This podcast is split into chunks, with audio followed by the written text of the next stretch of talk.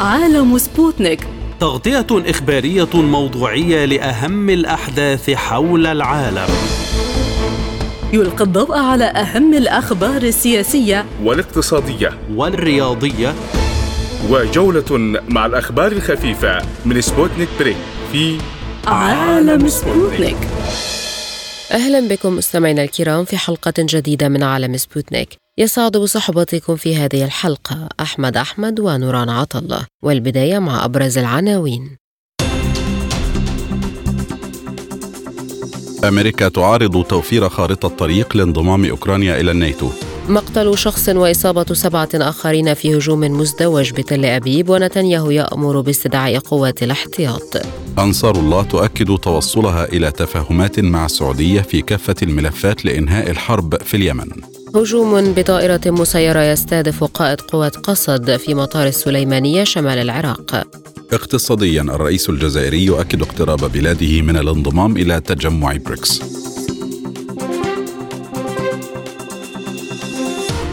أفادت صحيفة فاينانشال تايمز البريطانية بأن الولايات المتحدة وبعض الدول الأوروبية يعارضون وضع خارطة طريق لانضمام أوكرانيا إلى حلف الناتو خلال قمته المقبلة. وقال أربعة مسؤولين مشاركين في مفاوضات انضمام أوكرانيا للناتو للصحيفة إن الولايات المتحدة وألمانيا وهنغاريا تعارض جهود بعض الدول الأخرى في الناتو وخاصة بولندا ودول البلطيق وذلك لتعزيز العلاقات بين الناتو وأوكرانيا وتأييد عضويتها المستقبلية بشكل واضح. وأكدت أن هذه الخلافات ظهرت خلال اجتماع عقد لوزراء خارجية الناتو في بروكسل الأسبوع الماضي حيث من المقرر أن يمضي مسؤولو الدول الشهرين المقبلين في مفاوضات قبل أن يتم عقد قمة الرؤساء في العاصمة الليتوانية فيلنيوس في يوليو تموز المقبل. إلى ذلك أعلن المتحدث الصحفي باسم رئاسة الروسية ديمتري بيسكوف أن التصريحات الأمريكية بشأن الهجوم المضاد الوشيك من قبل الجيش الأوكراني يراقبها الجيش الروسي عن كثب وتؤخذ في الاعتبار عند التخطيط للعملية العسكرية الخاصة في أوكرانيا. للمزيد من المتابعة ينضم إلينا من الدوحة الدكتور رائد المصري أستاذ العلوم السياسية والعلاقات الدولية. دكتور أهلا بك. بداية ما أسباب تراجع واشنطن عن تقديم خارطة طريق لأوكرانيا للانضمام إلى الناتو؟ طبعا هذا الموضوع يعني يتعلق بمسار المعركة العسكرية في الداخل الأوكراني والتي على ما يبدو أنها وجدت الولايات المتحدة لا تصب في مصلحة مشروعها على هذا المستوى.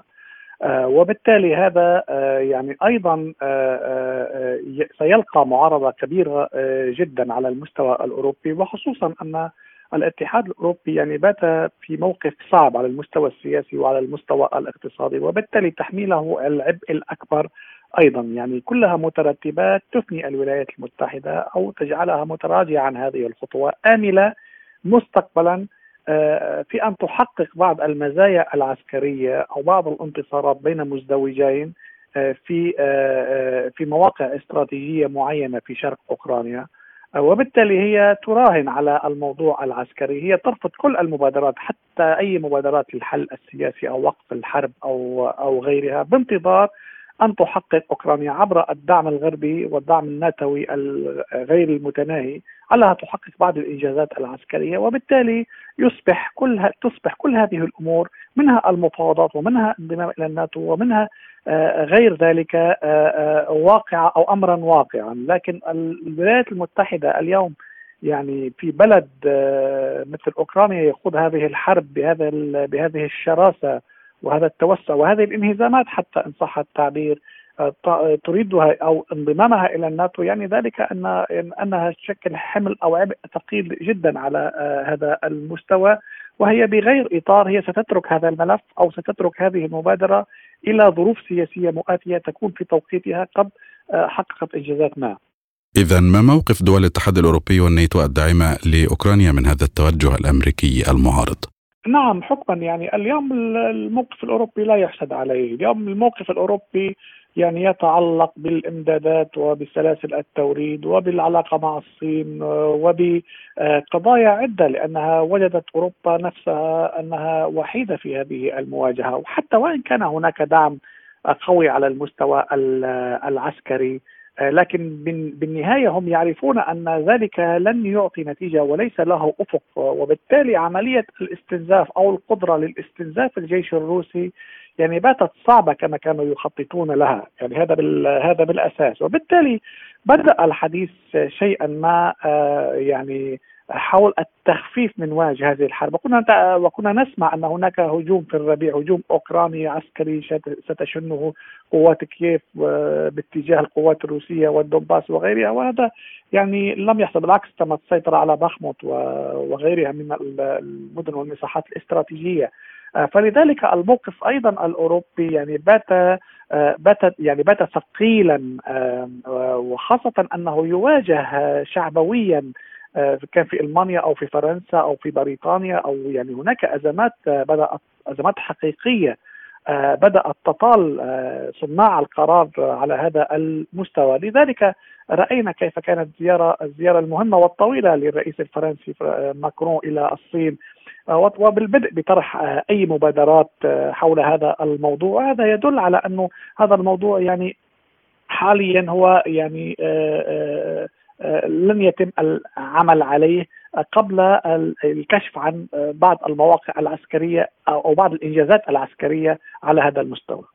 وهل تكشف هذه الخطوة نوايا واشنطن والغرب في افتعال الأزمة بأوكرانيا؟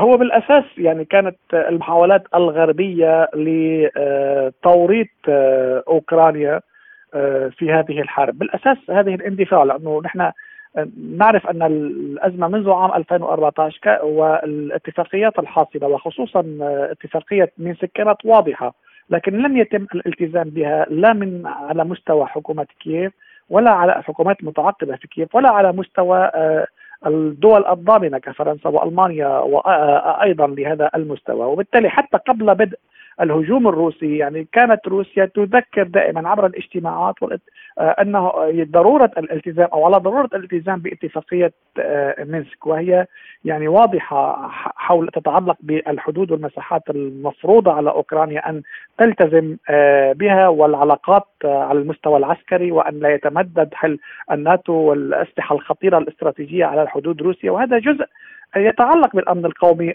الروسي. يعني كان هناك آه، من يترقب ونحن يعني نترقب هذا الموضوع كان هناك تعمد من قبل الغرب والولايات المتحدة الأمريكية على إصرار كييف بأن تنحو هذا المنحى المخالف لقواعد الاشتباك وتهديد الأمن القومي الروسي. يعني هذا كان واضحا. وحتى عند بدء آه، الحرب لاحظنا الاندفاع الأمريكي والانغماس بأيادي أوروبية وتنفيذ أوكراني بالتدعيم العسكري بشكل كامل وعدم آه، وضع أي سقف أو أي حلول ولو كانت موضوعيه أو لو كانت مؤقتة أو لوقف إطلاق النار على على أي أساس يعني كان يواجه برفض غربي آه، كامل ورفض أمريكي كامل. على اعتبار أنه يمكن أن يزيد من تورط آه، الجيش الروسي في هذا الموضوع وبالتالي نجره إلى معركة غير محسوبة غير محسوبة النتائج وبالتالي نستطيع أن نجر موسكو أيضا إلى مفاوضات وإلى تنازلات وهذا حتى الآن لم يحصل بالعكس يعني آه، لاحظنا هناك توتر وهناك انقسامات بدأت آه، بدأنا نشهدها داخل الاتحاد الأوروبي رغم أنه هذا الموضوع هو موضوع استراتيجي يتعلق بالنظام الليبرالي في أوروبا وكيفية يعني آه، الحكم في هذا المجال لكن أنا أعتقد حتى على المستوى السياسي وعلى مستوى التغييرات نجد أن النزاعات القومية بدأت تتنامى في أوروبا وهذا لا يصب في صالح الولايات المتحدة الأمريكية أو في صالح النظام المعولم على هذا المستوى. بالعكس الحكومات اليمينية المتطرفة لها نظرة قومية آه، آه، في بناء دولها وفي تسييج دولها وهذا يتنامى مع فكرة الرئيس الروسي فلاديمير بوتين آه، بضرورة الحفاظ ومنع التعدي أو منع استباحة الحدود مما يهدد الأمن القومي لاي دولة، وبالتالي حتى على المستوى السياسي والتغييرات لا تصب في صالح الغرب، حتى على المستوى العسكري لا زالت أو لا زال جامد من دون تحقيق أي انتصار، لكن هناك استنزاف كبير على هذا المستوى.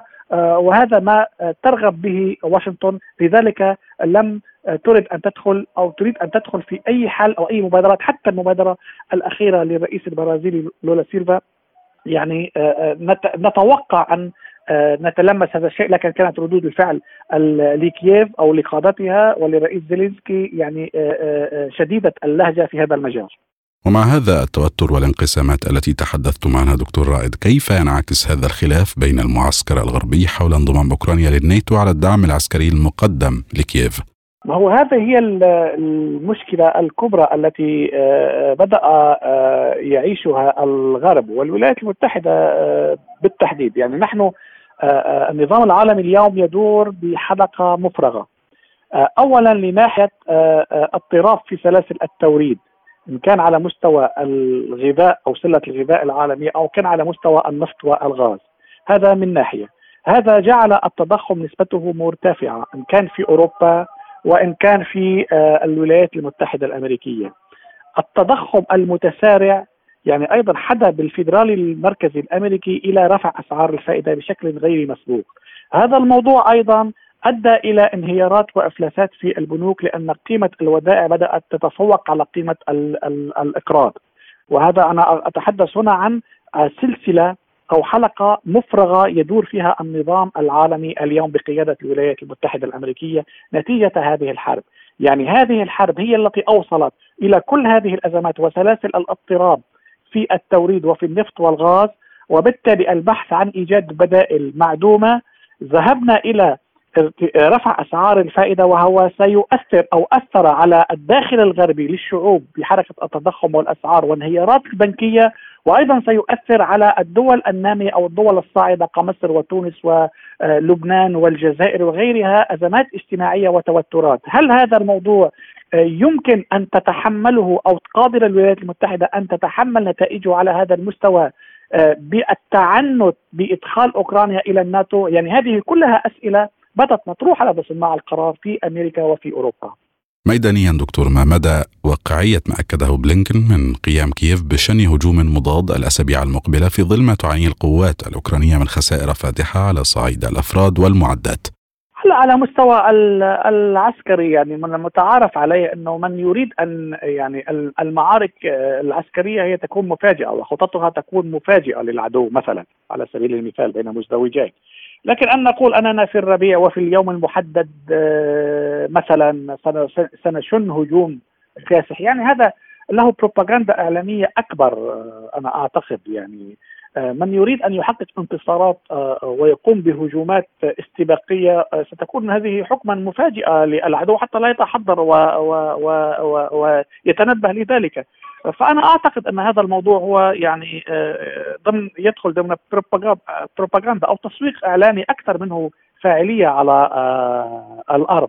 وهذا يعني بالعكس إحنا شاهدنا آه، يعني على المستوى العسكري هناك سيطرة كاملة للجيش الروسي على المناطق التي وضعها أو الفيجن أو الرؤية للجيش الروسي في أوكرانيا ومنها بخموت مثلا. ورغم الدعم الأمريكي يعني غير المحدود من طائرات وصواريخ متطورة وراجمات وغيرها ودبابات أيضا آه، هذا الموضوع هل آه، يمكن أن يحقق نتائج؟ أنا آه، أعتقد أن هذا الموضوع غير قابل للتحقق أو غير قابل لإعطاء أي نتيجة لأنه لن يسمح الروسي بأن يكون مهزوما في هذه الحرب التي أرادها بتوقيته وفق رؤيته ووفق مشروعه. والغرب أيضا آه، يحاول مرارا وتكرارا الدعم أو زيادة الدعم لكن هذا آه، هذه الزيادة في الدعم ستكون أو هي حكما على حساب مصالح الشعوب الأوروبية والأمريكية آه، من حالة استنزافات كبيرة. وهي أيضا من جيب المكلف الأمريكي والأوروبي يعني بطبيعة الحال. هل قادرين على الاستمرار آه، آه، آه، مطولا؟ هم كانوا يراهنون على أن طول هذه الحرب يمكن أن تستنزف روسيا وتجعلها بلد متقلب تحكمه يعني ال ال الانقلابات أو الاضطرابات في الداخل الروسي. بينما رأينا العكس يعني تماما. الشعوب الأوروبية يعني بدأت تتململ وبدأت تضيق على المستوى الاقتصادي. وهي أزمات بطبيعة الحال غير مسبوقة ستأخذ العالم إلى وجهة اقتصادية وإلى نمط من علاقات إنتاج جديدة على المستوى الدولي وهذا يترتب على وقائع ونتائج المعارك التي فرضتها روسيا في أوكرانيا هل ستثبت نظام القطب الواحد أم ستنتقل إلى نظام متعدد الأقطاب له مفاهيم اقتصادية جديدة تحكمها بالشراكة مع كل البلدان منها روسيا ومنها الصين ومنها الاتحاد الأوروبي مع أمريكا. في المقابل ومع هذه التطورات ما هي خيارات موسكو سياسيا وميدانيا في مواجهة كل ذلك؟ أنا أعتقد تنويع يعني موسكو عليها وهي قامت أنا أعتقد بذلك على تنويع خياراتها الاقتصادية، الاقتصاد هو الأساس هو المحرك للقوة أو الماكينة العسكرية، هو المحرك لموضوع البنوك وحركة البنوك ونظام التبادل.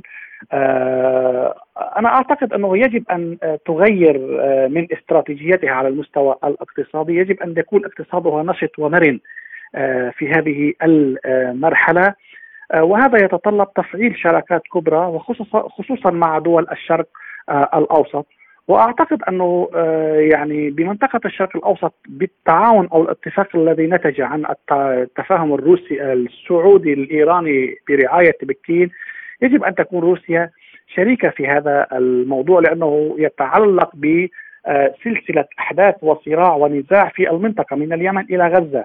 وهذا مهم جدا على المستوى الاستراتيجي لملء الفراغ الاستراتيجي الذي شكله خروج الولايات المتحدة من هذه المنطقة. أنا أعتقد يجب أن يكون الروسي حاضرا بقوة خصوصا في الأزمة السورية ومنع تفلتها على أكثر من مستوى. وهذا يتطلب جهد دبلوماسي كبير وحركة اقتصادية أو تنوع في الحركة الاقتصادية بمرونة جدا حتى تستمر في مشروعها على هذا المستوى. نحن نتحدث هنا عن نظام بديل. نحن نريد ان يعني الرئيس بوتين يقول نريد أن نبني نظاما عالميا جديدا بعيدا عن الهيمنة الأمريكية والوزير لافروف تحدث عن هذا الموضوع أيضا مرارا وتكرارا بالأمس.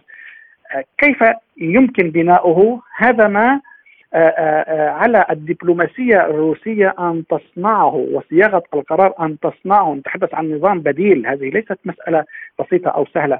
ولم يقف الأمريكي مكتوف الأيدي ومتفرجا على أنه يريد أن أنت تتحدث أنت تنتزع القلب الأساسي والمحرك الأساسي للنظام الليبرالي المعولم الذي حكمت به الولايات المتحدة الأمريكية. هذا ما ما هي أدواته؟ أدواته الاقتصاد، مرونة الاقتصاد، التكنولوجيا والإستحصال آه عليها، زيادة في قوة الفرد الشرائية لمواطني هذه الدول، زيادة في قوة الناتج القومي المحلي، يعني هذه كلها عوامل تستطيع أن تثبت نظام عالمي جديد يأتمن أو تأتمن إليه الدول في استثماراتها وعدم التفرد في هذا الموضوع وهذا يريح الاستثمارات داخل الدول. يعني إذا كانت هناك تشريعات مرنة مثلا في روسيا يستطيع المستثمر في القطاع الخاص أن يقدم على استثمارات لأنه يأتمن إلى تشريعات في الدولة قوية جدا. بينما لا يستطيع أن يقوم باستثمارات في مصر هو لا يستطيع يقدر أن يتنبأ مثلا ماذا ستؤول اليه هذه الاستثمارات وهذه الأموال.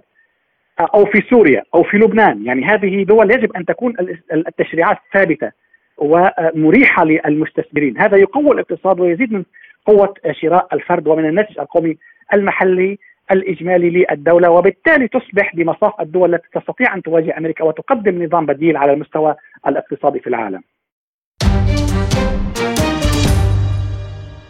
ارتفع عدد المصابين في الهجوم المزدوج على متنزه تل أبيب إلى سبعة أشخاص جميعهم من السائحين فيما لقي شخص آخر من الجنسية الإيطالية مصرعه جراء الهجوم حسب ما ذكرت خدمة الطوارئ الطبية الوطنية الإسرائيلية. وأعلنت الشرطة الإسرائيلية أن منفذ العملية وهو من سكان مدينة كفر قاسم العربية داخل إسرائيل دهس بسيارة قادها وبشكل متعمد مجموعة من المشاة في متنزه تل أبيب مؤكدة أنه تم القضاء على المنفذ خلال محاولته الترجل وإشهار سلاح كان بحوزته. إلى ذلك وجه رئيس الوزراء الإسرائيلي بنيامين نتنياهو الجيش وشرطة حرس الحدود باستدعاء قوات الاحتياط لتعبئة قوات إضافية لمواجهة الهجوم الإرهابي بحسب ما ذكرته قناة كان التابعة لهيئة البث الرسمية للمزيد من المتابعة ينضم إلينا من القدس المحلل السياسي دكتور أمجد شهاب بعد التحية دكتور أمجد من المسؤول عن تنفيذ هذا الهجوم؟ في هذه عمليات فردية اولا وأثبتت يعني من خلال العامين السابقين أكثر من 90% من العمليات هي عمليات فردية.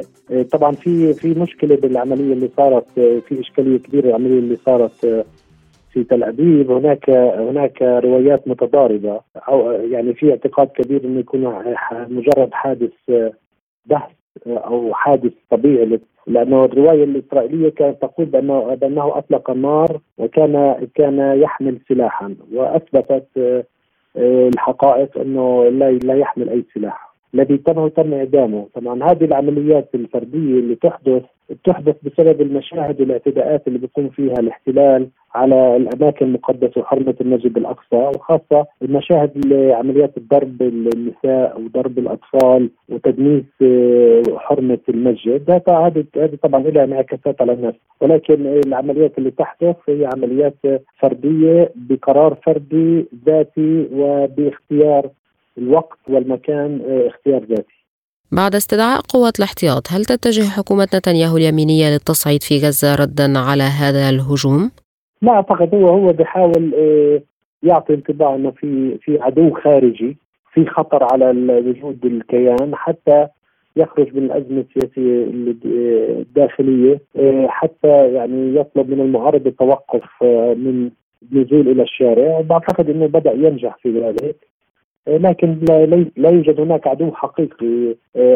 قطاع غزة وحماس لا تشكل تهديد حقيقي لإسرائيل. ولا أعتقد أن لبنان له الإمكانية ولا حزب الله في الدخول حاليا في سبب الأوضاع دخول في في مواجهة شاملة. والدليل على ذلك إنه المواجهة الأخيرة وقفت بسرعة. لم تتجاوز 20 ساعة. كانت مجرد صواريخ آه، صواريخ سقطت في معظمها في مناطق خالية والرد الإسرائيلي كان أيضا نفس نفس الطريقة كان محدود جدا. وهي يعني آه، جولة مؤجلة فقط لأحداث قادمة يعني بشكل بشكل أساسي لا يوجد رغبة من أي طرف في المواجهة. الجميع يريد التمسك بقوة الردع وقواعد الاشتباك اللي كانت يعني كانت سارية مع سابقا. لا يوجد رغبة بالمواجهة. وهل يقتصر التصعيد الإسرائيلي على غزة أم يمتد ليشمل جبهة لبنان؟ يعني لا أعتقد أن هناك سيكون هناك تصعيد. إلا إذا إسرائيل أخذت قرار باجتياح قطاع غزة فتح جبهة بقطاع غزة أو في في استخدام أساليبها القديمة الجديدة بالبحث عن صيد سمين وعملية اغتيالات لقيادات في المقاومة الفلسطينية سواء كان في قطاع غزة أو في لبنان أو أو في أو في سوريا آه، يعني عادة عادة يبحثون في عملية تركيع الفلسطينيين يبحثون عن اغتيالات قيادات مهمه وبارزه. لا أعتقد يعني آه، آه، حزب الله بخلال الوسطاء بين بشكل واضح إنه إنه في خطوط في خطوط حمراء وأنه لا يرغب بالمواجهة مع إسرائيل، وإسرائيل بدلته بنفس بنفس الطريقة، الجميع يعلم تماما الوضع اللبناني الحالي آه، ولكن آه، يعني التصعيد مرشح ولكن كل المعطيات تعطي بأن لا أحد يرغب بالمواجهة لا ولا أحد يرغب في فتح جبهة وخاصة أن أن كثر عمليات القصف آه، في سوريا وتكرارها أثبت إنه لا يوجد هناك رد لا يوجد أحد يعني لا أحد يرغب في فتح جبهات آه، مع إسرائيل وإسرائيل لا ترغب أيضا فتح جبهات آه، جبهة مفتوحة أيضا مع مع سوريا أو لبنان إجتياح يعني اجتياح واضح يعني هي تكتفي بعمليات القصف قصف المواقع تخزين الأسلحة أو مواقع البنية التحتية لتجميع لتجميع منظومات دفاع جوي أو تجمعات تجمعات للإيرانيين أو لحزب الله. ما هي فرص العودة لنظام وقف إطلاق النار بين إسرائيل وفلسطين كما دعت موسكو؟ هي في وقف إطلاق النار من من البارحة عندما وقف إطلاق النار. لا ما في مواجهة مباشرة. الذي يحدث هو عمليات فردية يعني. لا يوجد مواجهة حقيقية في الضفة الغربية بين التنظيمات بين الفصائل الفلسطينية وبين إسرائيل. ويوجد من وقت إطلاق نار من قبل من قبل عامين من معركة آه، بما يسميها الفلسطينيين معركة سيف القدس. لا يوجد مواجهة مباشرة. لأول مرة صار في مواجهة مباشرة فقط يعني المواجهة المحدودة. التي حدثت البارحة قبل البارحة يعني هي فقط يعني. أكد عضو المكتب السياسي لجماعة أنصر الله الحوثيين محمد الخيتي اليوم السبت التوصل إلى تفاهمات مع المملكة العربية السعودية التي تقود التحالف العربي في اليمن لإيقاف الحرب وإحلال السلام في البلد الذي يمزقه الصراع منذ أكثر من ثمانية أعوام. أكد بخيتي في حديثه لتلفزيون الميادين أنه قد تم التوصل بين صنعاء والرياض إلى تفاهم مشيرا إلى أن جماعته تنتظر من السعودية تنفيذ هذا التفاهم. وأضاف أن التفاهم الذي تم بين الرياض وصنعاء شمل كل الملفات سواء ملف الهدنة أو ملف تحقيق السلام الشامل والدائم معتبرا أن هذا من صالح الطرفين مشيرا إلى أن جماعته ستعزز أي توجه سعودي لتحقيق السلام مع اليمن أو أي طرف آخر في محور المقاومة بحسب قوله. وكشف أن التفاهمات والحل الشامل ستكون على مرحلتين مرحلة قبل عيد الفطر ومرحلة أخرى في وقت لاحق. للمزيد من المتابعة ينضم إلينا من صنعاء السيد فهمي اليوسفي نائب وزير الإعلام في حكومة الإنقاذ. سيدي بعد التحية بداية ما طبيعة التفاهمات التي تم التوصل إليها بين الرياض وأنصار الله؟ التفاهمات هي التي تمت حول حسب ما أشار إليها الناطق الرسمي لأنصار الله وهو الأستاذ محمد عبد السلام. هي على كل الملفات المتعلقة بالقضية اليمنية برمتها بدءا بقضية الملف الإنساني ثم الانتقال إلى الملف السياسي والعسكري وغيره. هذه التفاهمات آه، يترتب عليها تفاوضات حول آه، كل ملف على حدة. ومن الطبيعي أن يستمر عملية التفاوض لكن أستطيع أن أقول أن أن صنعاء اليوم حققت تقدما في هذه التفاهمات بأن الرياض أصبحت آه، ندا أساسيا لصنعاء آه، على اعتبار أن الرياض هي من تمثل دول التحالف وصنعاء اليوم أصبحت هي تمثل بقية اليمن بشكل عام.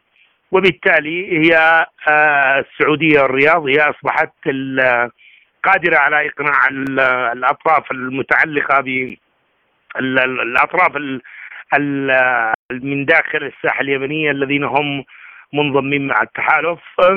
هي تدير آه، الملف معهم والملف آه، الآخر أيضا من ضمن الملفات حول إعادة الإعمار هذه أيضا ستكون مطروحة على طاولة التفاوض آه، والنقاش حولها مع الجانب السعودي. وبالتالي آه، آه، يعتبر ما تم التفاهم عليه هو يشمل القضية اليمنية برمتها من الجانب السياسي والعسكري والإنساني ويشمل أيضا آه، المواضيع المتعلقة أيضا بميناء الحديدة والمطارات وغيرها إلى آخره. ونحن نأمل أن نتوصل إلى حل شامل وعادل يرضي جميع الأطراف. ويكفل أيضا الحل الشامل العادل للقضية اليمنية برمتها. ما أساس التفاهمات التي تم التوصل إليها بين الرياض وأنصار الله فيما يتعلق بتحقيق السلام الشامل والدائم في اليمن وضمانه ذلك؟ كل هذه المواضيع التي تحدثت عليها في الإجابة عن السؤال السابق هي أيضا مرتبطة وتصب نحو مشروع السلام الذي نسعى إليه جميعا ونعلق الآمال عليه بأن يكون هناك سلام شامل وعادل يخرج اليمن من وضعها الحالي إلى الوضع المرجو وهو آه، ما يعمله عامة اليمنيين من شمال الشمال لأقصى الجنوب أو من الشرق إلى إلى الغرب من شرق البلاد إلى غربها كما أشار محمد عبد السلام من صعدة إلى المهرة. وهذه إشارة على أن الملفات تشمل الساحة اليمنية برمتها. لكن هناك استجابة اليوم ربما بدأت المؤشرات من الجانب السعودي. بغض النظر عن الانقسامات التي تدور حولهم لكن صنعاء لا يوجد فيها اي انقسامات. صنعاء موحدة بصفها ومطالبها ثابتة والشروط التي وضعتها ثابتة أنه لا تفريط بالسيادة اليمنية. لا تفريط بالسيادة اليمنية لا تنازل عن الأراضي اليمنية ولا تنازل عن الثروات وغيرها. هذه آه، ستكون شاملة للعامة. من ضمن أيضا الملفات التي آه، بدأت يدور النقاش حولها بشكل جدي هي قضية ملفات مرتبات الموظفين الدولة سواء في المناطق الخاضعة للاحتلال اليوم السعودي والإماراتي أو في المناطق الخاضعة اليوم لسلطات صنعاء. أيضا ما أهم البنود التي يتضمنها اتفاق تمديد الهدنة المعلن عنه؟ اتفاق تمديد الهدنة اولا يكون هناك حل آه، شامل للملف الإنساني باعتبار أن الملف الإنساني هو المدخل العملي لحل بقية الملفات آه، الأخرى. بينما تعثر الانساني وعدم حله أو ترحيل هذه القضية تعثر أيضا بقية الملفات الأخرى. وهذا ما يدفع صنعاء اليوم لحلحلة الملف الإنساني أو إيجاد حل للملف الإنساني على اعتبار أن الحل الملف الإنساني هو جزء من الحل القضية اليمنية آه، برمتها وصنعاء كما أشرت قبل قليل رد بالإجابة على السؤال السابق بأنه صنعاء آه، وضعت شرط أساسي لا تفريط بالسيادة اليمنية ولا تفريط أيضا بأن تنسحب كل قوى الاحتلال اليوم من أراضي اليمن آه، وتترك الأمر لليمنيين هم من يقرروا مصيرهم ولا تترك تقرير المصير بأن تتدخل قوى أجنبية لديها مطامع ومصالح في الساحة اليمنية وهذا هو مرفوض. فهذه الملفات أنا أعتبرها هي مدرجة ضمن القضية اليمنية برمتها لكن آه، هناك بصيص أمل كما يقال بأن هناك استجابة أيضا من السعودية خلال هذه الفترة. وربما هذه الاستجابة أيضا لها آه، متعلقة أيضا لها بحكم عوامل المتغيرات الدولية والإقليمية التي طرحت. آه، جعلت السعودية اليوم آه، ربما تفكر بعين العقل وتحاول الخروج من الأزمة اليمنية هذا إن صدقت النوايا لكن صنعاء هي صادقة بنواياها وتسعى نحو الحلول طالما والحل هو جزء هو هو يشمل قضية اليمن بشكل عام على كل الأصعدة. اذا ما هو موعد تنفيذ اتفاق تمديد الهدنة وما هي الضمانات حوله؟ نحن توصلنا إلى تفاهمات لكن لم نتوصل إلى اتفاقات نهائية. هذه التفاهمات يترتب عليها عادة تفاوضات فيما بعد. التفاهمات تعتبر تعتبر التوقيع على أي مذكرة تفاهم ثم يبدأ النقاش والنقاش وما يفضي إليه النقاش أو تكون مخرجات النقاشات والحوارات والتفاوضات والتشاورات تفضي إلى اتفاق كل ملف على حدة. هل وضع التقارب الإيراني السعودي الأزمة اليمنية على طريق الحل النهائي أم ما زالت هناك عراقيل؟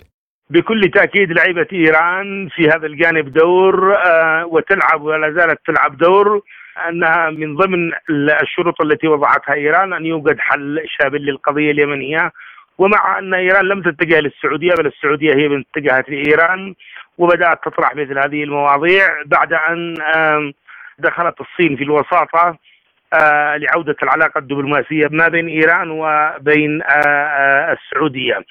لذلك لأن الحل القضية اليمنيه هو أيضا يكفل استقرار في المنطقة بشكل عام بينما وجود الصراع ما بين السعودية وإيران هو يجعل المنطقة أيضا في محل صراع دائم مع أن الغرب الغرب اليوم هو بعيد قليلا ما عن هذه القضية أو في الملف اليمني بحكم متغيرات الحرب الأوكرانية ويخشى الغرب أيضا أن يتم استهداف حتى مصالحه في عمق الجزيرة العربية وبالتالي هو دفع بالسعودية للصين والصين والصين. تعاملت مع هذا الملف بذكاء و آه، علاقتها بإيران وحاولت أن توجد تقارب وإيران أيضا تقتضي مصالحها السياسية وكذا أن تضع ملف اليمن ضمن أولويات أو ضمن آه، شروطها في آه، ترتيب وإعادة العلاقة الدبلوماسية ما بين السعودية كطرف وإيران كطرف آخر. أعلنت مديرية مطار السليمانية الدولي في إقليم كردستان شمالي العراق أمس الجمعة وقوع انفجار قرب السور الخارجي للمطار دون وقوع إصابات. وذكرت وكالة بغداد اليوم الخاصة أن الانفجار ناجم عن إطلاق صاروخ من طائرة مسيرة استهدف قائد قوات سوريا الديمقراطية قصد مظلوم عبدي. ونقلت عن مصدر لم تسمه أن طائرة تركية مسيرة استهدفت عبدي بصاروخ أثناء تواجده في مطار السليمانية قبيل عودته إلى سوريا. مؤكدة أن القيادي في قوة قصد عاد إلى شمال سوريا دون أي إصابات حيث تم نقله بطائرة أمريكية. إلى ذلك أدان رئيس الاتحاد الوطني الكردستاني بافل طلباني العملية الإجرامية وخرق حدود الإقليم والعراق بأعين وإرشاد جهاز أمني استخباراتي داخلي. حسب قوله وللمزيد من المتابعة ينضم إلينا من العراق الخبير الأمني والاستراتيجي السيد محمود الهاشمي. سيدي بعد التحية ما ملابسات؟ ما حدث؟ نعتقد بأن منطقة الإقليم في العراق مهملة نوعا ما من الحكومة الاتحادية وخاصة في بعدها الأمني باعتبار أن هنالك قوات خاصة هي قوات الجيش مرقى هي التي تحرس هذه المنطقة أمنيا. وهذا الأمر الحقيقة فيه تداعيات كثيرة باعتبار أن هذه القوات هي قوات سياسية أكثر مما هي قوات أمنية مهنية تعمل في هذا المجال. هذه القوات ورثتها حكومة الإقليم من مرحلة ما قبل تشكيل الإقليم وبعد أن أصبحت الحكومة فيدرالية. والحقيقة نجد أنه لا تستطيع مثل هذه القوات أن تحرس المنطقة بشكلها المهني الدقيق. ثانيا التعامل مع الجهات الخارجية. نعرف أنه منطقة الإقليم آه، تجاوزت الحقيقة الكثير من القوانين والأنظمة التي آه، تفرضها الحكومة الاتحادية في إقامة علاقات خارج الأطر القانونية وشكلت لنا مشكلة مثلا في أربيل أقاموا علاقة مع قوات معارضة إيرانية وصنعوا لهم مراكز تدريب وتجاوزات من هذه القوات على الدول الجارة. وكذلك أو يعني آه البككة آه حزب العمال الكردستاني وهذا خلق لنا مشكلة مع يعني دول الجيران. حيث اضطرت تركيا أن تدخل قواتها إلى مساحة كبيرة داخل الأراضي العراقية ربما تصل إلى عمق 120 كيلو متر وعلى مساحة كبيرة وأكثر من 26 قاعدة إنشئت على أراضينا. والحكومة أهملت هذا الموضوع وهو خطأ. استراتيجي كبير هذه القوات التركية اعتدت على المواطنين الأكراد هناك وأجرت عمليات قتل وعمليات تهجير وحرق ومشاكل واعتقالات أيضا. هذه المسائل كلها خارج حقيقة كانت دائرة إدارة الحكومة الاتحادية وما جرى أخير أخيرا في عملية الطائرة لأحد القادة بالبككة أيضا تعتبر هذا تجاوز كبير اولا من تركيا أن تقوم بهذا العمل بشكل منفرد وثانيا على حكومة السليمانيه كان المفروض أنه ما تقوم بعمل من شانها أن يجلب مشكلة إلى آه، منطقتها. حتى هذه اللحظة عملية أيضا الإدارة الأمنية بين السليمانية واربيل هنالك مشاكل وليست هنالك عملية تنسيق واضحة وأيضا مع الحكومة الاتحادية لذا أنا أعتقد كان على الحكومة العراقية أن تحل المشكلة بنفسها خلال الاتصال مع تركيا وعدم التجاوز على أراضي العراقية. وإذا بقيت المشكلة هكذا أعتقد ستستمر وتخلق لنا أزمات مستقبلية آه نحن في غنى عنها وتخلق لنا مشكلة مع الجيران. وأيضا على آه الأخوة الاتحاد الوطني الكردستاني السليمانية كلها مخاطر هذه القضية والتنسيق مع الحكومة الاتحادية لإخراج أي آه، جسم غريب من هذه المنطقة ما الجهة التي تقف خلف هذا الهجوم وما الهدف منه؟ يعني بالنسبة لتركيا قامت في هذا العمل وهذا تجاوز كبير طبعا على الأراضي العراقية مهما كانت الأسباب والدواعي لأنه أنا أعتقد هذا أراضي وهي السيادة وهي كرامة الشعب كان إذا أكو مثل هذا الأمر موجود بدخول قوات آه، لجهة معارضة. إلى أراضينا أن تنسق مع الحكومة الاتحادية بدلا من القيام بأعمال مثل هذه وخلق أزمة بين دولة جارة ودولة جارة أخرى. وحتى هذه اللحظة المؤسف أنه ليست هنالك عملية تنسيق بين العراق وتركيا في هذا المجال. أيضا ماذا عن دلالة توقيت الهجوم الذي تزامن وتعليق أنقرة رحلاتها الجوية إلى مطار السليمانية. يعني هو يبدو أن القضية مرتبة وليست قضية فقط آه، جاء صدفة أو شيء على عجالة لأنه تم اتخاذ إجراءات يبدو متسلسلة. من ضمنها أولا آه، قطع الرحلات إلى داخل مطار السليمانية. بمعنى أنه هنالك عملية ترتيب وبعد ذلك تم اتخاذ القرار العسكري بضرب هذه الطائرة ومحكيها وكل الأحوال هو تجاوز يعني دولة على دولة جارة أخرى. وكان المفروض أن يتم التنسيق قبل اتخاذ هذا الإجراء. نفس الوقت إحنا ما نريد أيضا مشاكل تحدث بين الأحزاب الموجودة داخل الاقليم مثلا بين الاتحاد الوطني الكردستاني وبين الحزب الديمقراطي الكردستاني لأن هذا تخلق لنا أزمة في منطقة ربما من الصعوبة آه، السيطرة عليها وبدل من البيانات بين الحزبين كان المفروض عملية تنسيق أمني حتى لا تحدث مشاكل وتتطور على حساب المواطنين آه، هناك. رئيس الاتحاد الوطني الكردستاني قال إن العملية تمت بأعين وإرشاد جهاز أمني استخباراتي داخلي، من يقصد برأيك؟ يعني هو من الواضح إنه يتهم الديمقراطي الكردستاني باعتبار إدارة الإقليم والحكومة هي بإدارة آه، آه، الديمقراطي الكردستاني. يعني هذه الاتهامات يعني أنا لست معها ولا أتمنى أن ترقى إلى مستوى تبادل التهم. بين حزبين عريقين وكبيرين هما يشرفان على إدارة الإقليم. ونحن نعتقد في يوم من الأيام كانت هذه المنطقة هادئه ومركز سياحي للعراقيين عموما.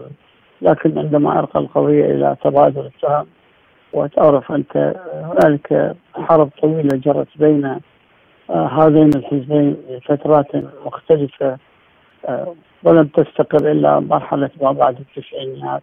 نخشى أنه يرتقي الموضوع إلى خطورة بين الحزبين اللذين هما يديران آه، هذه المنطقة من فترة طويلة. كذلك ما تداعيات هذا الهجوم على الأمن والاستقرار بالعراق؟ يعني لا شك القضية لما تصل إلى اعتداء جوي على أو تدمير في منطقة معلومة ومنطقة مستقرة يعني هذه مشكلة كبيرة وإن كانت هي ليس الأولى طالما كانت هنالك القوات التركية المتوغلة داخل الأراضي العراقية قامت بأفعال وأعمال حقيقة خارج القوانين والأنظمة ورعاية حقوق الإنسان وتجاوز على الجيرة بين بلدين جارين. القوات التركية طالما قتلت وهجرت واعتدت على المواطنين لك هذه المشكلة أن هاي الأحزاب الحاكمة هناك تسكت نوعا ما على مثل هذه الأعمال على حساب شعبها دون النظر. والحكومة الاتحادية مع الأسف مهملة لهذه المنطقة وكأن الشعب الكردي ليس جزء من العراق ولا خارطة في العراق.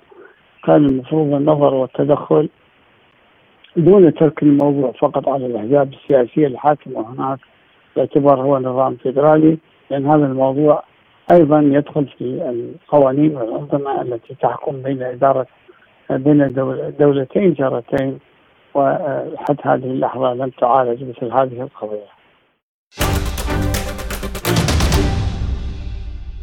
أعلن الرئيس الجزائري عبد المجيد تبون أن بلاده تقترب من الانضمام إلى منظمة البريكس مؤكدا أن دول المنظمة لا تمانع من حصول الجزائر على العضوية الكاملة. وقال تبون في مقابلة مع الجزيرة بودكاست أن دول الصين، روسيا، جنوب إفريقيا والبرازيل أبدوا موافقتهم على انضمام الجزائر إلى منظمة بريكس. وأوضح الرئيس الجزائري أن انضمام بلاده إلى بريكس في المرحلة الأولى سيكون كمراقب قبل أن تنال العضوية الكاملة. واضاف أن الاقتصاد الجزائري يشهد نموا وتقدما بشهادة صندوق النقد والبنك الدولي مؤكدا أن الجزائر قوية اقتصاديا وليس لديها مديونية خارجية. للمزيد من المتابعة ينضم إلينا من الجزائر الخبير الاقتصادي والنفطي كمال زايد بعد التحية هل يعني ذلك أن الجزائر حققت شروط الانضمام لتجمع بريكس؟ اولا آه، الجزائر آه، مسألة الانضمام إلى البريكس ليست آه، ليست جديدة في النقاش سبق وأن تحدث عنها الرئيس الجزائري وسبق أن تحدث عنها وزير الخارجية السابق رمطان لعمامرة. وبالتالي هناك عملية تفكير هناك عملية تشاور هناك عملية اقتراب من هذا التجمع. ليست وليدة اللحظة وإنما وليدة ربما الأشهر الماضية وخاصة منذ اندلاع الحرب الروسية الأوكرانية وبالتالي آه، تسعى الجزائر للبحث عن التموقع في الخارطة الجديدة خاصة وأن أسعار النفط التي ربما انتعشت آه، منذ اندلاع هذه الحرب آه، والتي أثرت أكيد بشكل إيجابي على الجزائر تريد السلطات الجزائريه أن تستفيد من هذا الظرف وتحضر نفسها إلى ما هو قادم وبالتالي تأمين آه، أمنها الاقتصادي عن طريق الاقتراب إلى من هذا التكتل. وكما قال الرئيس الجزائري نيل العضوية الكاملة بحسبه أن الدول المؤسسة لهذا أو المشكلة لهذا التحالف لا تعارض الانضمام الكامل للجزائر الذي سيكون في وقت أول كصفة ملاحظ ثم بعد ذلك بصفة كاملة. وبالتالي ما دام الرئيس الجزائري يتحدث عن قرب انضمام الجزائر إلى آه هذا التكتل فالأكيد أن الشروط آه تحققت بنسبة كبيرة حتى لا أقول بشكل كامل. ما الفوائد التي تجنيها الجزائر اقتصاديا وسياسيا من انضمامها لهذا التجمع؟ الأكيد أننا نعيش كما كان الواقع كما كان الحال منذ سنوات في زمن تكتلات. الجزائر سبق وأن حاولت ربما الاقتراب من الاتحاد الأوروبي وفشلت المسألة سواء عن طريق اتفاق الشراكة مع هذا التكتل والذي لم يؤثر بشكل إيجابي على الاقتصاد الجزائري. بالعكس السلطات الجزائرية في وقت سابق في سنوات سابقة اشتكت من أن اتفاق الشراكة الذي تم توقيعه لم يكن في صالح الجزائر بل أثر سلبيا على الاقتصاد الجزائري والاتحاد الأوروبي هو من استفاد بطريقة أو بأخرى من هذا الاتفاق. وبالتالي جرى منذ سنوات حديث عن طلب جزائري لإعادة مراجعة هذا الاتفاق والتوجه نحو تكتل آخر أو تكتلات أخرى. الهدف منه أكيد اقتصادي بالدرجة الأولى الفوائد التي يمكن أن تجنيها الجزائر أولا.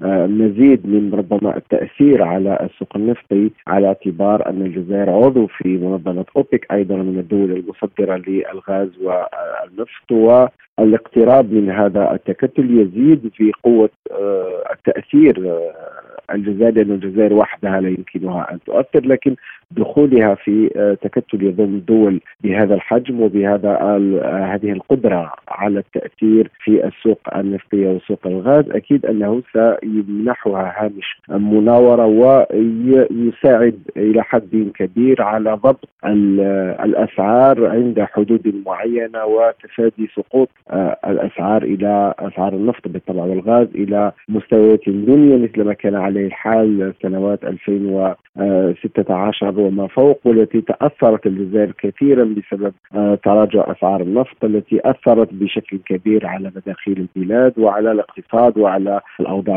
الاجتماعية بشكل عام. الآن الأمور انتعشت اقتصاديا والجزائر تريد استغلال اللحظة هذه. اولا كما قلت من أجل الإبقاء على الأسعار في مستويات معقولة. وأيضا الاعتماد على آه هذه سواء الظرف أو على هذا التكتل من أجل محاولة البحث عن أسواق جديدة عن آه مجالات اقتصادية أو مجالات تعاون مع هذه الدول ومع غيرها. والاكيد أن الفوائد إن سارت الأمور كما تريد.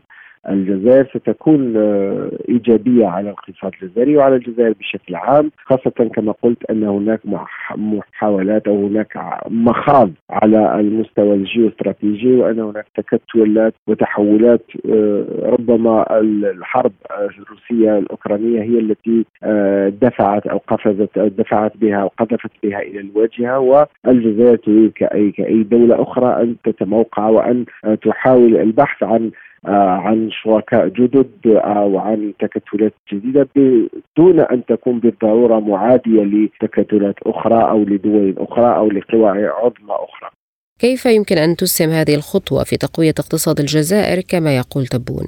كما قلت الهدف الأول الجزائر إلى حد الآن الجزائر تعتمد في اقتصادها بنسبة كبيرة أكثر من 90% على مداخيل النفط والغاز، الجزائر ما زالت دولة تعتمد بشكل أساسي على هذه الثروة، ثروة ثروة النفط والغاز والأكيد أن بقاء الأسعار عند مستوى معين ومقبول ومرتفع الأكيد أنه يخدم الاقتصاد الجزائري وانهيار الأسعار أكيد أنه يؤثر وبشكل كبير على الاقتصاد الجزائري وهو الذي لا تريده الجزائر وتخشاه. وصحيح كما قلت أن منذ اندلاع الحرب الروسية الأوكرانية الأسعار ارتفعت وانتعشت بشكل كبير وهو ما أثر بشكل إيجابي على الاقتصاد الجزائري على احتياط النفط الجزائري لعادة ليعرف نوعا من الاستقرار بعد أن تهاوى في السنوات السابقة كما قلت عندما انهارت أسعار النفط والغاز وهو ما جعل الجزائر تلجأ إلى هذا الاحتياطي من أجل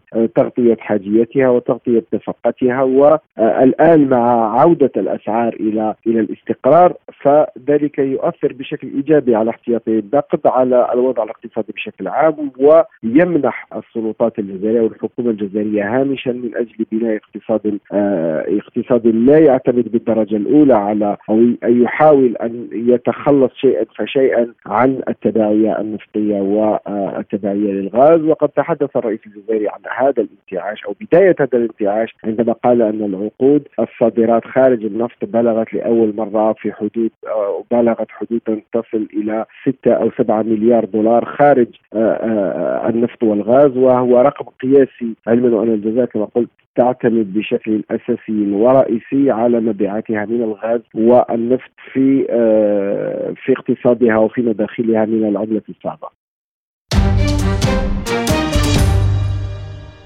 والآن جولة حول العالم. أعلن رئيس جمهورية القرم الروسية سيرجي أكسيونوف أن نظام الدفاع الجوي أسقط اليوم السبت صاروخا أوكرانيا في منطقة فيودوسيا شرقي القرم. وقال أوليغ كريوتشكوف مستشار رئيس الجمهورية لسياسة المعلومات في وقت سابق إن أنظمة الدفاع الجوي وفقا لمعلومات أولية عملت اليوم السبت في منطقة فيودوسيا على الساحل الشرقي لشبه جزيرة القرم حيث يتم التحقق من المعلومات. وحث كريوتشكوف على انتظار البيانات الرسمية. أفادت غرفة العمليات للتنسيق المشترك بين الإدارات الروسية للاستجابة الإنسانية في أوكرانيا بأن كييف تنوي تنفيذ عمل استفزازي في مقاطعة سومي في أوكرانيا عبر استخدام مواد سامة واتهام روسيا به. وجاء في بيان غرفة العمليات الإنسانية أنه وفقا للبيانات المتاحة التي أكدتها عدة مصادر مستقلة تحت قيادة مكتب رئيس أوكرانيا يجرى تحضير لاستفزاز واسع النطاق يهدف إلى تشويه سمعة روسيا على الساحة الدولية. وأضاف أنه من أجل تنفيذ العمل الاستفزازي خلال الأسبوعين الماضيين في مدينة أختيركا في مقاطعة سومي تم إعداد قسم مزعوم من خط الدفاع الأمامي للقوات المسلحة الأوكرانية على خط التماس مع القوات الروسية. أعلن وزير الخارجية الأمريكي أنتوني بلينكن أن السلطات الأمريكية لا ترى فرصة لإجراء محادثات من أجل وقف إطلاق النار بين روسيا وأوكرانيا. وقال بلينكن في مقابلة مع مجموعة فونكه الإعلامية أنه إذا كانت فكرة وقف إطلاق النار ترقى إلى إضفاء الشرعية الفعلية على استيلاء روسيا على أراضٍ كبيرة من أوكرانيا فلن يكون ذلك سلاما عادلا ودائما حسب قول كما أعرب عن قلقه من احتمال استخدام روسيا الهدنة لإعادة تجميع قوات ذاتها واتخاذ إجراءات هجومية بعد مرور بعض الوقت على حد زعمه.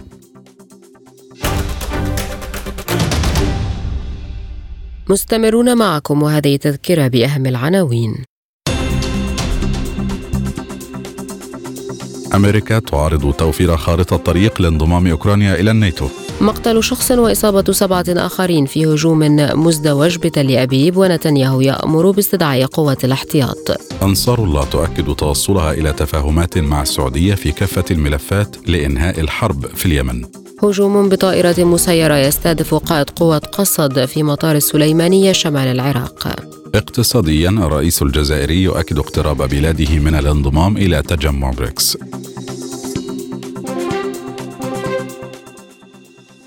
الآن إليكم مجموعة من الأخبار الاقتصادية.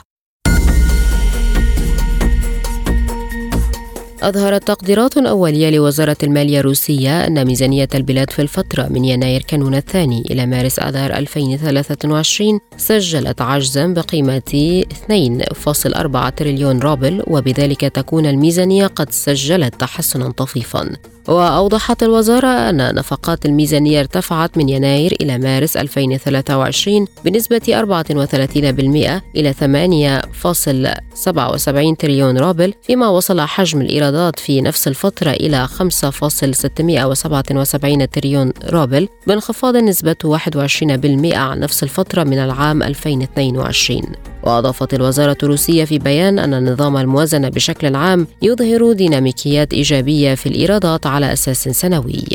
توقع رئيس غرفة التجارة الروسية الفنزويلية رومان فولينكو أن يرتفع حجم التجارة بين روسيا وفنزويلا إلى 300 مليون دولار شهريا بعد إطلاق ممر نقل مباشر بين البلدين. وقال فولينكو لوكالة سبوتنيك أن البلدين يسعيان لإطلاق ممر نقل مباشر في المستقبل القريب وأضاف أن موسكو وكراكاس عملا على خيارات للمسارات الممكنة من ثلاثة من الموانئ الروسية وهي سيفاستوبول وسان بيترسبورغ ونوفوروسيسك سجلت السندات التونسية أكبر تراجع في العالم إثر تصريح الرئيس التونسي قيس سعيد بأنه سيرفض خطة إنقاذ من صندوق النقد الدولي وهو ما زاد المخاوف من أن الدولة التي تعاني أزمة مالية تتجه نحو التخلف عن السداد. وذكرت بلومبرغ أن سندات تونس بالدولار المستحقة في عام 2025 انخفضت بمقدار 4.1 سنت لتصل إلى 51 دولارا و38 سنتا وهو أدنى مستوى لها على على الإطلاق. كما قد انخفضت أيضا السندات التونسية المقومة باليورو والين الياباني.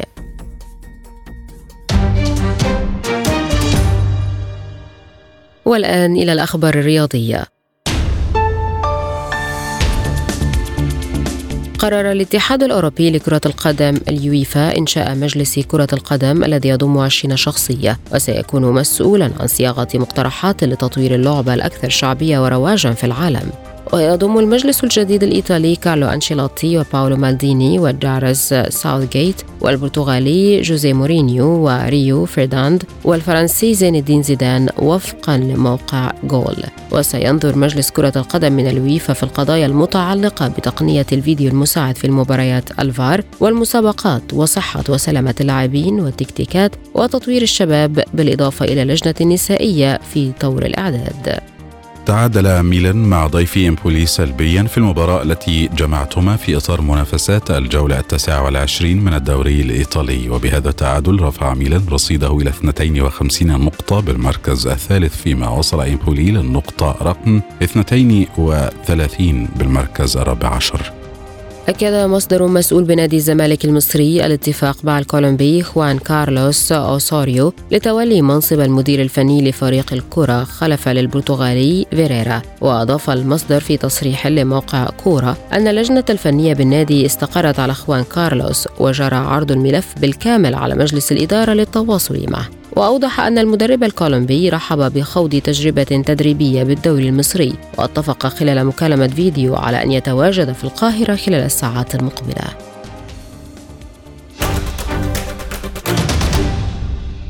والآن مع سبوتنيك break.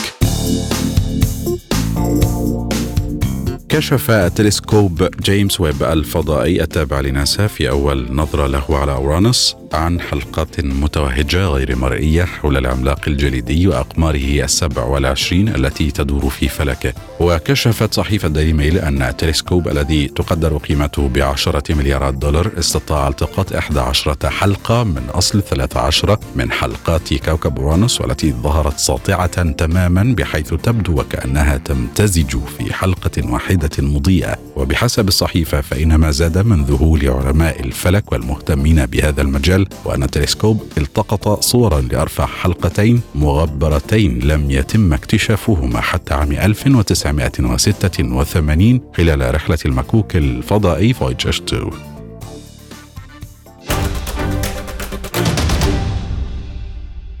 لا يبقى في هذه الحلقة سوى التذكير بأهم ملفات عالم سبوتنيك. أمريكا تعارض توفير خارطة طريق لانضمام أوكرانيا إلى الناتو. مقتل شخص وإصابة سبعة آخرين في هجوم مزدوج بتل أبيب ونتنياهو يأمر باستدعاء قوات الاحتياط. أنصار الله تؤكد توصلها إلى تفاهمات مع السعودية في كافة الملفات لإنهاء الحرب في اليمن. هجوم بطائرة مسيرة يستهدف قائد قوات قسد في مطار السليمانية شمال العراق. اقتصاديا الرئيس الجزائري يؤكد اقتراب بلاده من الانضمام إلى تجمع بريكس. رياضيا الاتحاد الأوروبي لكرة القدم يويفا يقرر إنشاء مجلس كرة القدم بهدف تطوير اللعبة. للمزيد زوروا موقعنا سبوتنيك dot ae.